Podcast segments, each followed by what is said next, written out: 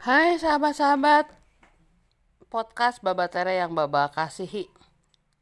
Dalam podcast kali ini Baba ingin berbicara mengenai alasan mengapa kita itu kadang-kadang punya tendensi ingin berperang, ingin gelut, ingin bertengkar, ingin bikin masalah, ingin punya krisis. Kenapa ya? Nah, itu adalah bagian dari hukum semesta yang disebut hukum polaritas. Jadi dikatakan bahwa otak itu mencari konflik. Karena dengan konflik itu kita bisa mendapatkan kemajuan. Dan kalau misalnya otak tidak menemukan konflik, maka otak akan menciptakan suatu konflik. Menarik ya? Menarik banget nih. Buat Bapak menarik sih. Jadi hukum polaritas itu mungkin nggak disadari, tapi kita lakukan, kita jalani. Nah sebelum bicara soal hukum polaritas, Baba akan bicara soal apa bedanya polaritas dan dualitas. Kadang-kadang kalau kita dengar kata dualitas ya, terutama untuk mereka yang udah mencapai tingkat kesadaran ingin e, mencapai tingkat dimensi 5, lalu mendengar kata dualitas tuh kayak merasa aduh, males banget kembali lagi ke konfliktual. Benar atau salah, baik atau buruk, neraka atau surga gitu. Karena itu adalah kualitas dari dualitas. Selalu ada dua hal Selalu ada dua hal yang dalam dimensi ketiga itu dipertentangkan. Salah benar. Terus yang ditambah lagi nih, kamu yang salah, aku yang benar. Kita yang benar, mereka yang salah. Konfliktual banget. Sehingga kita biasanya me, mengapa menginterpretasikan bahwa hidup itu punya dua wajah. Dan biasanya wajah yang satu itu bertentangan dengan wajah yang satu lagi. Nah, di situlah semua konflik terjadi, semua konflik ada. Lalu kita berpikir bahwa kalau misalnya kita ingin harmonisasi atau kebebasan, maka kita pikir kita harus keluar dari semua konflik. Kita harus keluar dari sistem dualitas. Ternyata nggak seperti itu teman-teman. karena otak kita itu di setting untuk selalu hidup dalam polaritas. Nah, apa itu polaritas? Polaritas itu kalau kita bicara dalam bahasa Yunani itu berasal dari kata polos, yang artinya apa? Yang artinya poros atau eksis ya. Nah, Polaritas itu bicara tentang kualitas dari diri kita pada saat kita ada di sumbu atau di poros kita masing-masing. Yang tentu saja ada hubungannya dengan dua sisi yang ekstrim tersebut. Tetapi dia tidak pernah dalam konteks melawan atau berperang satu sama lain, tetapi merupakan komplementari, keseimbangan, kesatuan dan e, penggerak yang yang seimbang. Nah, ada ada nggak hubungan antara dualitas dengan polaritas? Kita harus mengerti ini supaya kita mengerti kenapa dari satu peradaban ke peradaban lain, dari satu abad ke abad itu selalu ada perang. Entah dia perang suku, ya antar suku, perang eh, saudara, ya perang saudara misalnya perang antara satu wilayah itu belum tentu sukunya sama tapi berperang satu sama lain. Kayak misalnya Korea Utara Korea Selatan Vietnam Utara Vietnam Selatan gitu ya. Lalu ada perang-perang besar ya perang salib. Wah antara agama tuh. Tuhan dibawa-bawa. Jadi Tuhannya dikira memilih salah satu. Kita mati untuk Tuhan. Sampai sekarang masih ada tuh ya yang mati sahih itu menganggap bahwa Tuhan itu pilih kasih. Lalu ada perang dunia. Udah nggak peduli mau suku mau saudara perang. Perang-perang dunia ya kayak perang dunia pertama perang dunia kedua. Wah ya kenapa ya? Kenapa ada perang? Lalu jangankan perang gede-gede perang dalam keluarga aja. Konflik kakak adik konflik antar uh, paman bibi uwa orang tua dan lain-lain kita harus mengerti tentang hukum dualitas dan polaritas teman-teman ya oke kalau kita mau mengerti apa sih koneksitas antar dualitas dengan apa itu polaritas nah polaritas itu hukum utamanya jadi hukum besarnya polaritas, lalu dualitas itu adalah penyimpangan dari polaritas. Ya. Penyimpangan dari polaritas itu namanya dualitas. Nah, kalau kita mau mengerti keduanya, kita mesti kembali lagi ke hukum yang utama.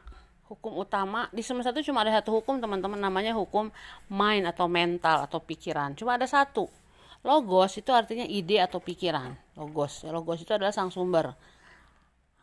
Jadi segala sesuatu itu berasal dari pikiran. Nah, pikiran itu adalah semua apa ya hembusan atau tarikan nafas ya semua tarikan nafas yang awal yang berasal dari kekosongan yang lalu diproyeksikan ke semua keberadaan. Jadi antara ada dan tiada itu dimulai dengan tiada yang lalu dia itu memproyeksikannya ke ada. Ya, dari kekosongan menjadi e, keberadaan. Melalui apa? Melalui pikiran, melalui ide, melalui imajinasi. Nah, jadi semuanya berasal dari kosong ya, kosong. Semuanya berasal dari kosong. Ada seorang sahabat baru dari Lombok ya, dia cerita. Dia bilang, "Bapak, kenapa dalam proses selama 10 tahun terakhir saya merasakan sekarang suatu kekosongan? Apakah jalan saya benar? Apakah saya memang harus mencapai kekosongan itu ya?" Pertanyaannya sangat-sangat sangat-sangat uh, basic sangat basic karena kita dibesarkan dengan keharusan untuk jangan mengisi kekosongan. Saya ingat waktu kecil tuh nggak boleh kosong, isi sesuatu, les. Semua anak disuruh les, segala macam dilesin, ya. Nggak boleh anak nggak boleh istirahat itu. Kalau istirahat tuh makan, gitu ya.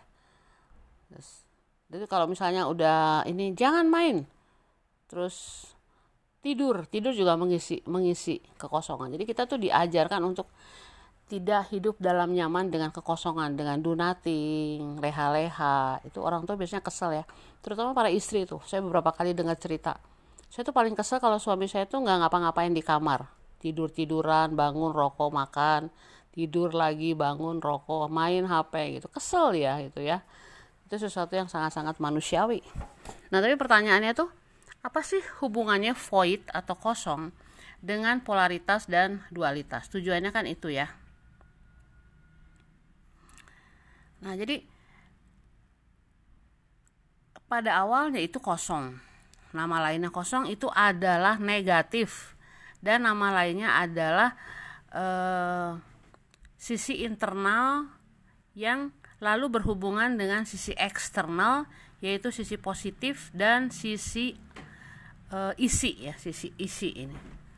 Nah pada awalnya teman-teman sebelum hukum polaritas hadir itu ada hukum yang disebut hukum kedua namanya hukum koresponden. Itu dari akar kata respon ya. Jadi responden itu adalah pada awalnya itu adalah respon antara kosong dan isi isi dan kosong. Ada dan tiada tiada dan ada. Menarik di antara siklus itu. Lalu dia mulai berkembang dengan perkataan atau movement tentang konsep di dalam di luar. Di dalam di luar. Lalu dari di dalam di luar ada tiada kosong isi negatif positif maka lahirlah apa yang disebut enam hukum universal keenam hukum itu lahir pada saat yang bersamaan loh. Jadi nggak seperti tingkatan-tingkatan ya. Misalnya, oke, okay, uh, hukum main timbul. Tunggu ribuan tahun kemudian timbullah hukum koresponden. Lalu misalnya triliunan tahun kemudian muncullah hukum vibrasi. Lalu hukum kausalitas gitu. Enggak, enggak. Dia ada pada saat yang bersamaan di dalam satu hukum utama ya hukum main. Nah,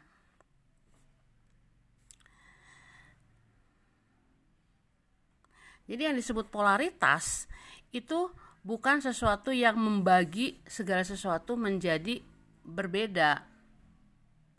Tetapi dia itu justru yang menyatukan semua semuanya itu. Jadi dia yang menyatukan positif negatif, ada tiada, kosong isi.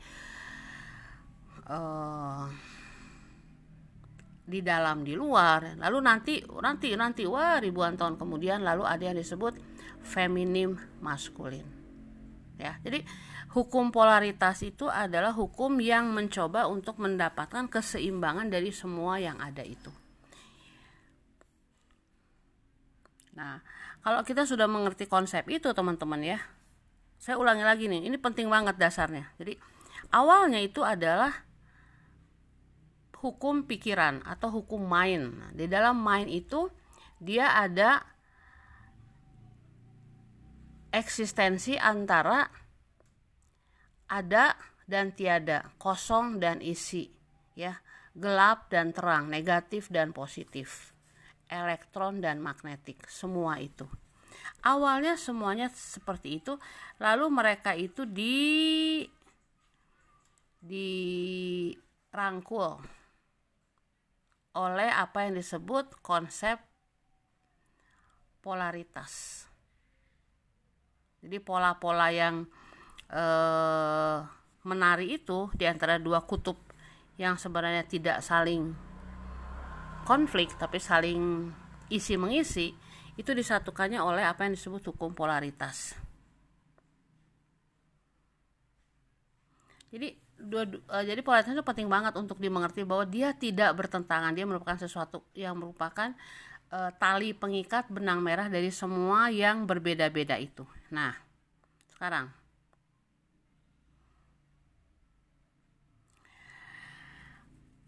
polaritas itu ya yang berasal dari kata tadi saya udah bilang ya polar artinya sumbu atau eksis atau sumbu atau kalau di bumi itu adalah garis imajinasi antara kutub utara dan kutub selatan.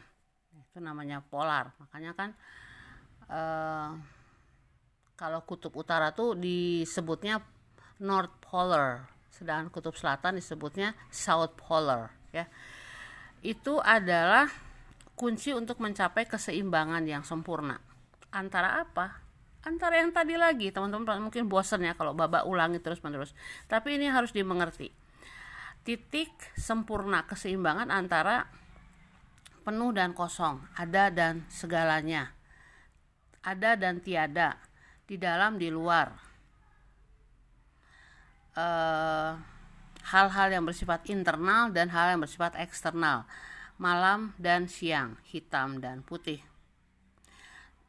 Satu satu sisi itu tidak akan ada tanpa sisi lainnya. Mereka merupakan suatu keseimbangan yang sempurna Nah, lalu ngapain tiba-tiba berubah jadi dualitas? Dan dalam pengalaman kita, dualitasnya sangat konfliktual. Karena kalau kita selalu berada dalam kondisi seimbang yang sempurna, maka nggak ada yang disebut perubahan. Kalau misalnya nggak ada perubahan, nggak ada transformasi, nggak ada hal yang bisa membuat kita menunggu uh, matahari terbit besok lalu ingin pengalaman baru harapan baru itu yang kita inginkan sebenarnya dalam dualitas. Makanya dualitas itu disebut sebagai penyimpangan dari polaritas.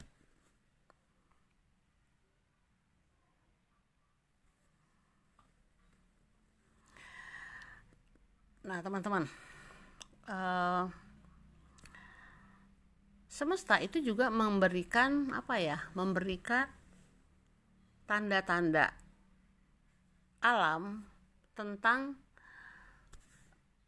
hal-hal yang merupakan penyimpangan. Jadi penyimpangan itu dalam hukum semesta bukan sesuatu yang buruk ya. Saya ingat banget tuh waktu belum belum sadar. Saya pikir eh, LBGT itu penyimpangan. Tapi lalu saya sadar saya pikir ya saya waktu itu udah pikir bahwa kayaknya nggak mungkin Tuhan melakukan kesalahan doh walaupun orang mengatakan bahwa gay, lesbian, transgender itu merupakan kesalahan. Tapi Tuhan nggak mungkin melakukan kesalahan. Dan sekarang terbukti alam nggak mungkin melakukan kesalahan. Semesta tidak pernah melakukan kesalahan. Tapi semesta memberikan cara untuk e, penyimpangan. Nah itu dilakukan dalam konteks kalender ya. Kalender tuh menarik loh. Kalender bumi sekarang kan 365 hari ya. Sedangkan perputaran lingkaran secara sempurna itu 360 derajat nah ada sisanya kan ada sisanya itu ya itu sekitar lima hari nah lima hari itu memang sengaja bukan lima hari sebenarnya cuma empat hari berapa jam gitu memang sengaja dibuat uh, ada untuk apa? Untuk memberikan suatu pilihan, pilihan yang konstan setiap tahun terjadi. Untuk apa? Untuk uh, masuk dalam kegelapan dan masuk dalam terang. Masuk untuk naik di tingkat kesadaran yang tinggi atau turun di tingkat kesadaran yang rendah ya dikasih kesempatan untuk bertransendensi melakukan ekspansi atau konstruksi mengerut atau memuai ya dalam spiral tersebut justru yang disebut e, margin kesalahan ya itu atau yang disebut ketidaksempurnaan itu teman-teman justru memberikan kesempatan untuk kebangunan evolusi secara konstan. Jadi sebenarnya polaritas itu sangat tertarik dengan poin-poin di mana segala sesuatu tiba-tiba menjadi sempit. Lalu ada tekanan-tekanan. Terus eh, ada momen di mana realita menjadi uh, runtuh lalu dipaksa untuk berbelok dipaksa untuk terbelah ya itu semua kita sebutnya distorsi lalu distorsi itu adalah ketika sesuatu yang utuh itu menjadi terpecah. Makanya disebutnya dua dual. Lalu dijadikan dualisme. Jadi dualisme itu berasal dari polaritas. Polaritas memberikan kesempatan bagi dirinya untuk berubah untuk bertengkar satu sama lain, untuk saling konflik, untuk menimbulkan efek-efek yang membuat kita masuk dalam suatu krisis. Lalu kita cari lagi apa sih konsekuensi dari eh, kenyataan yang ada dengan alasan-alasan yang membuat kita harus mengubah alasan-alasan tersebut sehingga menciptakan fakta-fakta yang baru. Itu yang harus dilakukan sih seperti sebuah game. Jadi sebuah sebuah game. Jadi ada di semesta itu bayangin ya ada game. Ada game namanya game polaritas dan dualitas jadi di dalam polaritas itu diharapkan bahwa ada suatu evolusi yang menuju pada keseimbangan tetapi dia juga menyadari ada sisi-sisi salah sisi-sisi pergerakan yang agak menyimpang, sisi-sisi eh, krisis, konflik. Itu semua diperlukan. Kalau tidak, maka tidak ada evolusi.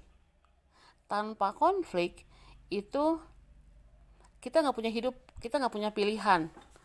Gak ada nggak ada pilihan, rata semuanya. Nah, dualisme itu memberikan opsi atau pilihan yang juga berasal dari pikiran, supaya apa supaya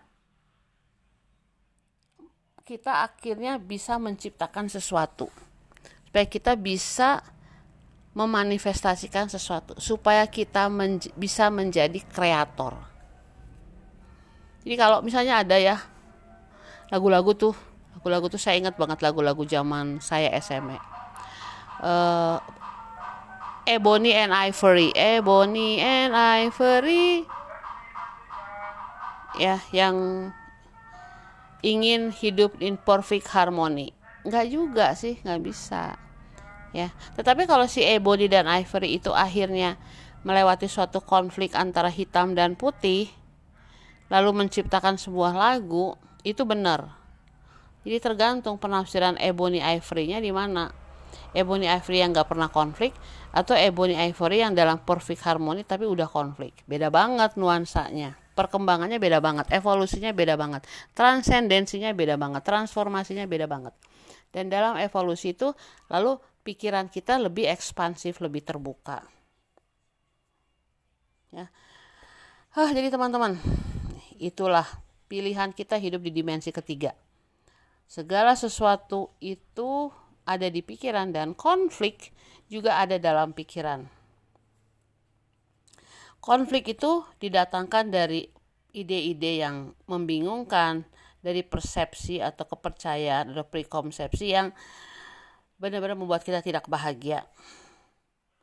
Nah, lalu dari apa yang disebut uh, apa namanya tadi saya sebutkan tadi ya, lalu kita mulai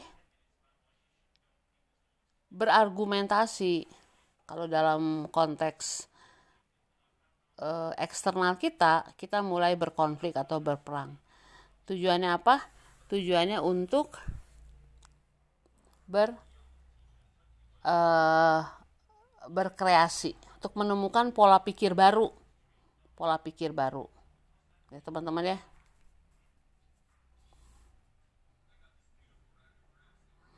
Nah, untuk lebih menjelaskan tentang pola ini, kalau di sudut dari kalau lihat dari sudut frekuensi vibrasi ya, nih Bapak selalu bicara soal spiritualitas kosmologi, jadi konteksnya selalu vibrasi dan frekuensi. Nah, kita lihatnya dualismenya itu adalah pada saat seseorang berada dalam konteks kesadaran frekuensi tinggi atau kesadaran tinggi, lalu berhadapan dengan frekuensi rendah atau tingkat kesadaran rendah. Ya, anggaplah seorang ada di atas gunung, yang satu lagi ada di dalam lembah. Nah, yang di dalam lembah itu dia terjebak dalam bayangan-bayangan dia sehingga dia bisa, cuma bisa melihat rintangan-rintangan. Dia melihat jalan yang harus dia daki ya, bebatuan, tebing, lereng-lereng yang berat, terjal untuk bisa dia naik ke atas. Nah, yang dipentingkan adalah usaha untuk naik ke atasnya.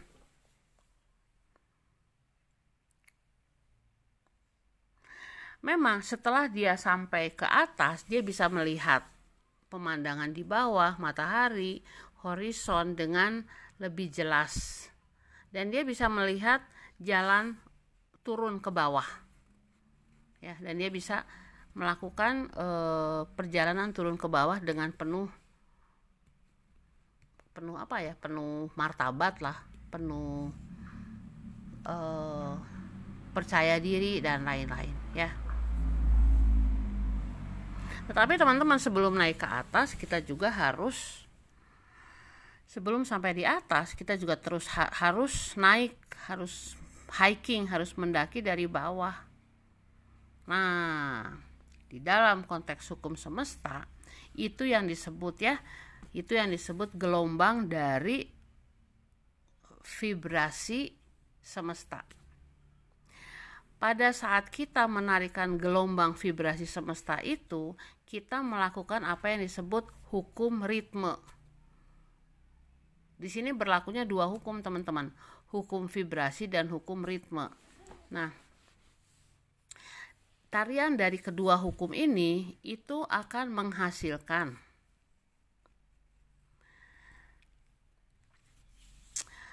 Polarisasi antara positif dan negatif.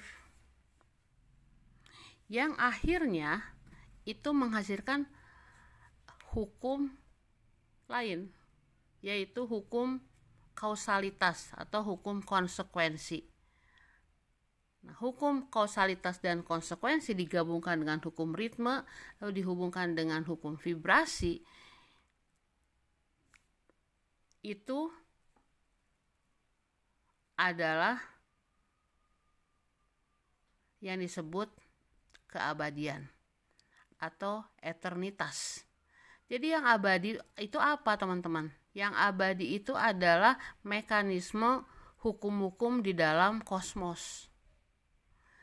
Tanpa tarian hukum-hukum itu nggak ada keseimbangan. Karena apa? Kalau misalnya kita ingin terus menaikkan kekayaan kita, hal yang bersifat fisik lah, kekayaan, keglamoran, kesuksesan finansial, karir, ya hal yang bersifat materi ya. Nah itu kita akan capek banget karena kita ingin selalu lebih cepat, lebih cepat, lebih cepat. Nah itu akan membuat kita sangat frustasi. Karena apa? Karena ada kecenderungan kita ingin mendapatkan apa yang kita inginkan. Lebih cepat, lebih mudah, tanpa usaha, tanpa perjuangan, tapi pengen cepet-cepet naik di atas. Itu akan membuat kita benar-benar frustasi, kecewa, dan capek. untuk jalan ke atas itu kita butuh suatu kesabaran kesabaran kita masih benar-benar take your time take your time itu dalam bahasa semesta artinya tarikanlah ritme dalam vibrasi Anda. Kalau dalam apa namanya dalam siklus ya dalam gambar siklus itu kita harus tetap nari loh di 369 369 menari. Kalau kita udah sampai di titik 6 kita mesti turun lagi teman-teman. Ke min 6 baru nanti naik ke atas baru ke 9 nanti dari positif 9 kita turun lagi ke bisa juga ke si min 3 ya terus terus terus terus seperti itu ini ada suatu tarian ritme dalam vibrasi yang kita lakukan di dalam satu hukum yang disebut hukum oneness dalam hal polarisasi. Ya, teman-teman ya. Nah, jadi teman-teman, ini adalah mungkin halnya sulit untuk dimengerti. Tapi kita harus mengerti mengenai hukum-hukum semesta. Sehingga lalu kita mengerti kenapa kok kita kayaknya pengen ngajak perang orang gitu. Pengen berdebat pengen pengen ribut lah ya. Ada tuh orang-orang ya yang tidak menyadari hal tersebut lalu inginnya ribut melulu gitu loh. Ya itu bisa di trigger lewat nonton media sosial. Jadi kalau kita ngelihat figur tertentu terus tiba-tiba kita pengen marah weh pengen caci maki dia. Ya. Terus nanti misalnya ada figur lain gitu ya figur yang baik banget ya. Wah figurnya tuh baik banget gitu loh. Kayaknya sempurna banget gitu di mata dunia. Terus ada keinginan dari otak kita yang ingin mencari celah untuk membuktikan bahwa dia nggak sebaik yang kita pikirkan gitu ya. Jadi itu adalah apa? Itu adalah eh, ketika hukum semesta dualistik itu menari dalam polarisasi. Dan itu harus kita lakukan.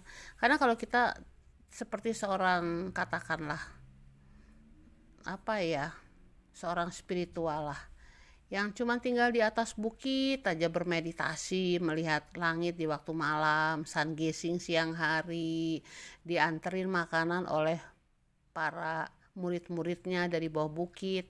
Nah wah itu sebenarnya yang jadi guru tuh murid-murid yang turun naik bukit untuk ngasih makan dia. Dia udah mati. Orang itu udah mati di atas bukit.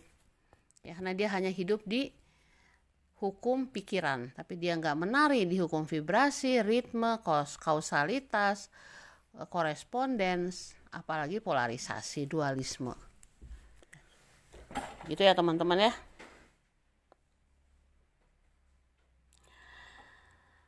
Oke lalu kalau misalnya kita tipe orang yang ingin melakukannya dengan serba cepat tepat efektif efisien teman-teman harus benar-benar slow down. Ya. Pencaharian keseimbangan itu nggak cuma satu jalan one way nggak. Jadi uh, dia nggak ada hubungannya dengan cepat tepat efektif efisien tapi dia adalah dia hubungannya dengan mengetahui baga kita, bagaimana kita mengobservasi, menganalisa, lalu menangani polaritas secara tepat.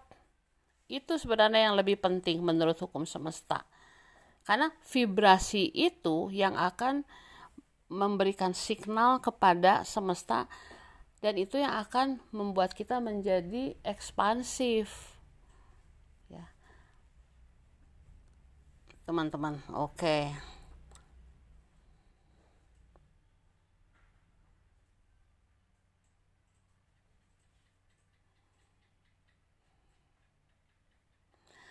Oke, teman-teman.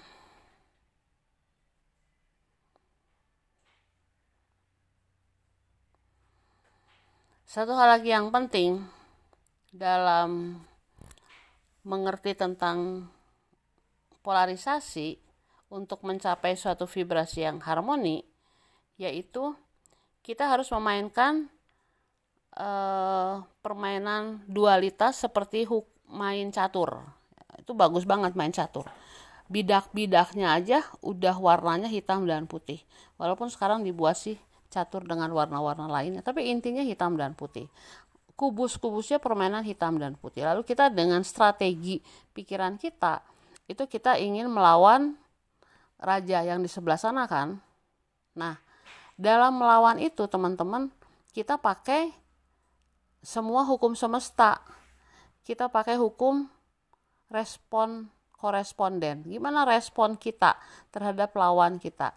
Kita memakai hukum ritme seperti tarian, tarian-tarian. Kita menarikan bidak-bidak kita menurut tarian di dalam pikiran kita. Ya. Tapi polaritasnya tetap sama. Polaritasnya adalah ada hitam dan putih, ada positif negatif, ada uh, struktur yang bisa kita pakai seperti struktur dalam hidup juga yang bisa kita pakai untuk melakukan ekspansi. Nah, ketika kita bermain itu sebenarnya yang penting bukan menang atau kalah. Yang penting itu bukan ekspansi atau konstruksi. Yang penting itu lalu kita mengerti bahwa hukum yang diatur, hukum yang dibuat oleh semesta itu ditujukan untuk melayani kita. Beda dengan hukum yang ada di dunia ini. Kita benar-benar harus menghormati supremasi hukum, teman-teman. Wah, kalau nggak kita bisa dihukum ya. Tetapi kalau hukum semesta itu tujuannya untuk melayani kita, membantu kita berekspansi, membantu kita untuk berkontraksi, membantu kita masuk dalam wilayah menang dan membantu kita masuk dalam wilayah kalah. Dan apa pun yang ada itu nggak benar nggak salah nggak baik nggak buruk. Ia hanya suatu permainan ritme suatu permainan vibrasi.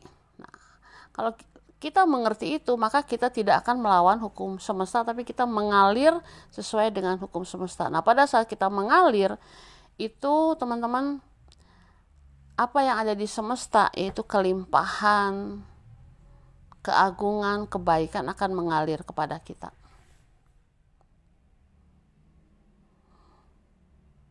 Nah, nanti dalam tingkat kesadaran selanjutnya, ketika pendulum antara dua sisi yang bertentangan itu menjadi lebih pelan, lalu kita sampai pada apa yang disebut zero point.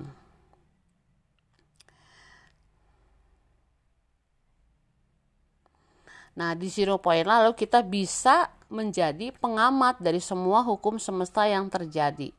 Di situlah kita kembali kepada hukum semesta yang pertama yaitu hukum main atau pikiran.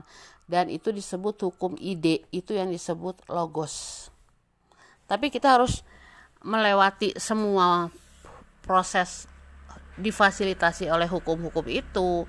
Kita jangan seperti seorang spiritual yang tinggal di atas gunung lalu dia diem weh memikirkan segala sesuatu berdasarkan pikiran tapi dia nggak pernah benar-benar turun ke bukit naik lagi ke atas turun ke bukit naik lagi ke atas ya.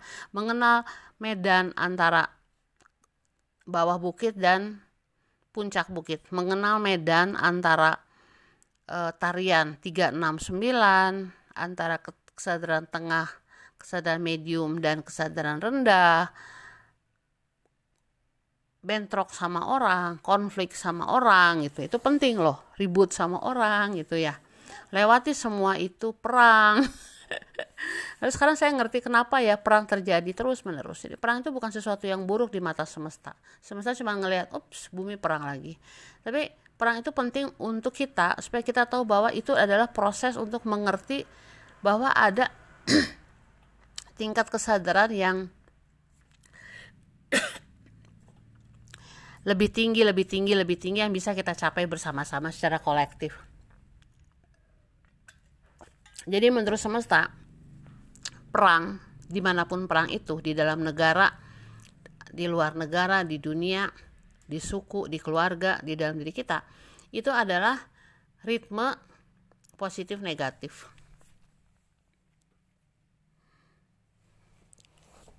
Supaya kita tahu bahwa perang yang ada di luar sana itu juga terjadi di dalam diri kita apa yang kita rasakan secara internal itu diekspresikan secara eksternal. Jadi tariannya seperti itu sampai kita mencapai apa yang disebut polaritas. Kita menjadi sumbu. Kita menjadi seimbang antara sumbu atas dan sumbu bawah, sumbu utara, sumbu selatan, sumbu tengah, sorry, sumbu dalam, sumbu luar. Semuanya diatur dalam emerald tablet.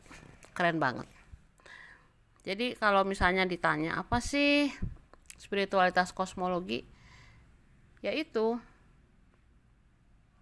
spiritualitas kosmologi adalah dalam konteks perang ya.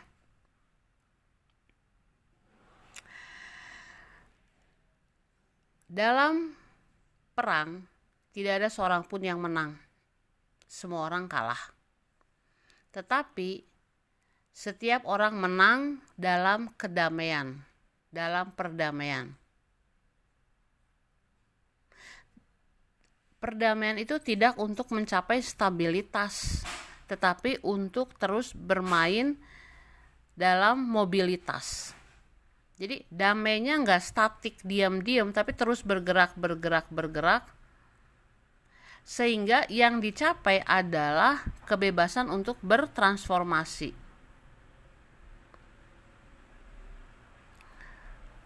Maka lalu kita melihat konflik perang yang ada itu untuk melakukan perubahan. Jadi kita jangan takut perang, maksudnya gitu sih. Jangan takut, jangan takut gelap, jangan takut negatif, jangan takut apalagi ya. Jangan takut masuk dalam tarian dualitas karena nanti lama kelamaan toh dia akan tetap mencapai uh, polaritas. Dan kalau kita ngomongin polaritas itu gampang sih teman-teman. Mikirin aja satu lingkaran utuh 360 derajat. Ya lalu kalau kita hubungkan dengan jumlah tahun di bumi yang 365 hari maka si dualitasnya itu ya di yang lima hari itu. Penyimpangan yang diberikan oleh semesta untuk berkembang.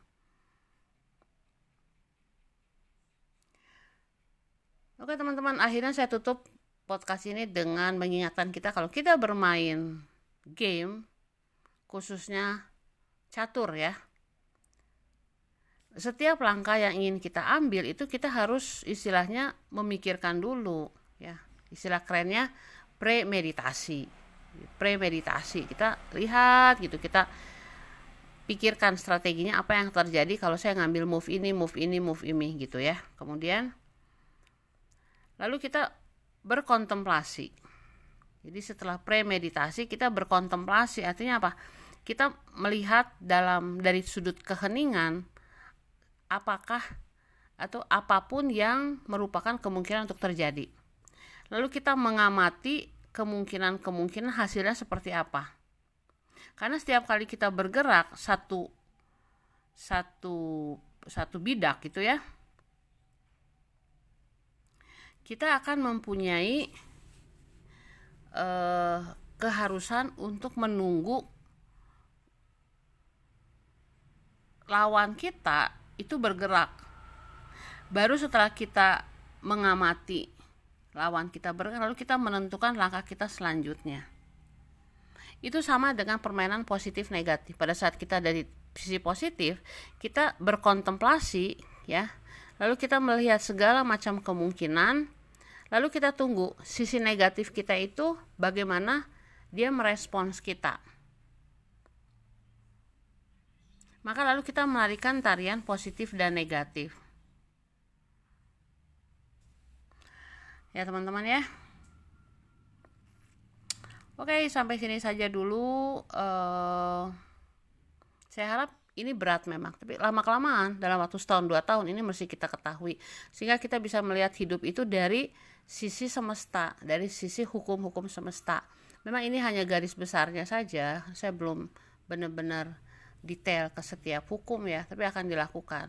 Pelan-pelan kita belajar. Lalu kita ajari generasi yang akan datang tentang hukum-hukum ini, supaya mereka bisa menari di dua sisi itu dengan belajar nah, yang yang harus diajari oleh oleh kita adalah keahlian untuk bernegosiasi. Kita harus mengajarkan generasi kita untuk bernegosiasi. Karena apa? Dalam negosiasi itu dua pendulum yang sangat ekstrim itu akhirnya lama-lama menemukan titik tengah. Nah, negosiasi itu selalu mendatangkan data-data baru. Kita belajar tentang strategi-strategi baru yang berarti itu semuanya adalah perkembangan. Ya. Nah, jangan pernah ingin atau jangan pernah mengajarkan generasi muda untuk menang. Tetapi selalu untuk berkembang. Ya, jadi no winning but growing. Itu penting banget teman-teman. Jadi nggak usah ngajarin anak-anak kita untuk selalu menang nggak usah nggak usah jadi juara tetapi melihat proses bagaimana dia berkembang satu sama lain ya. Ini saya belajar dari anak saya dalam main game. Saya tinggal tunggu momen-momen ketika dia berhenti main game terus dia bilang mah aku e, punya strategi baru. Jadi kalau lawan begini aku begini. Oke okay, that's good gitu.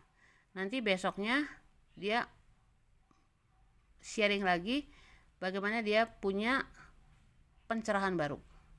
Nah, oh ya oke. Okay.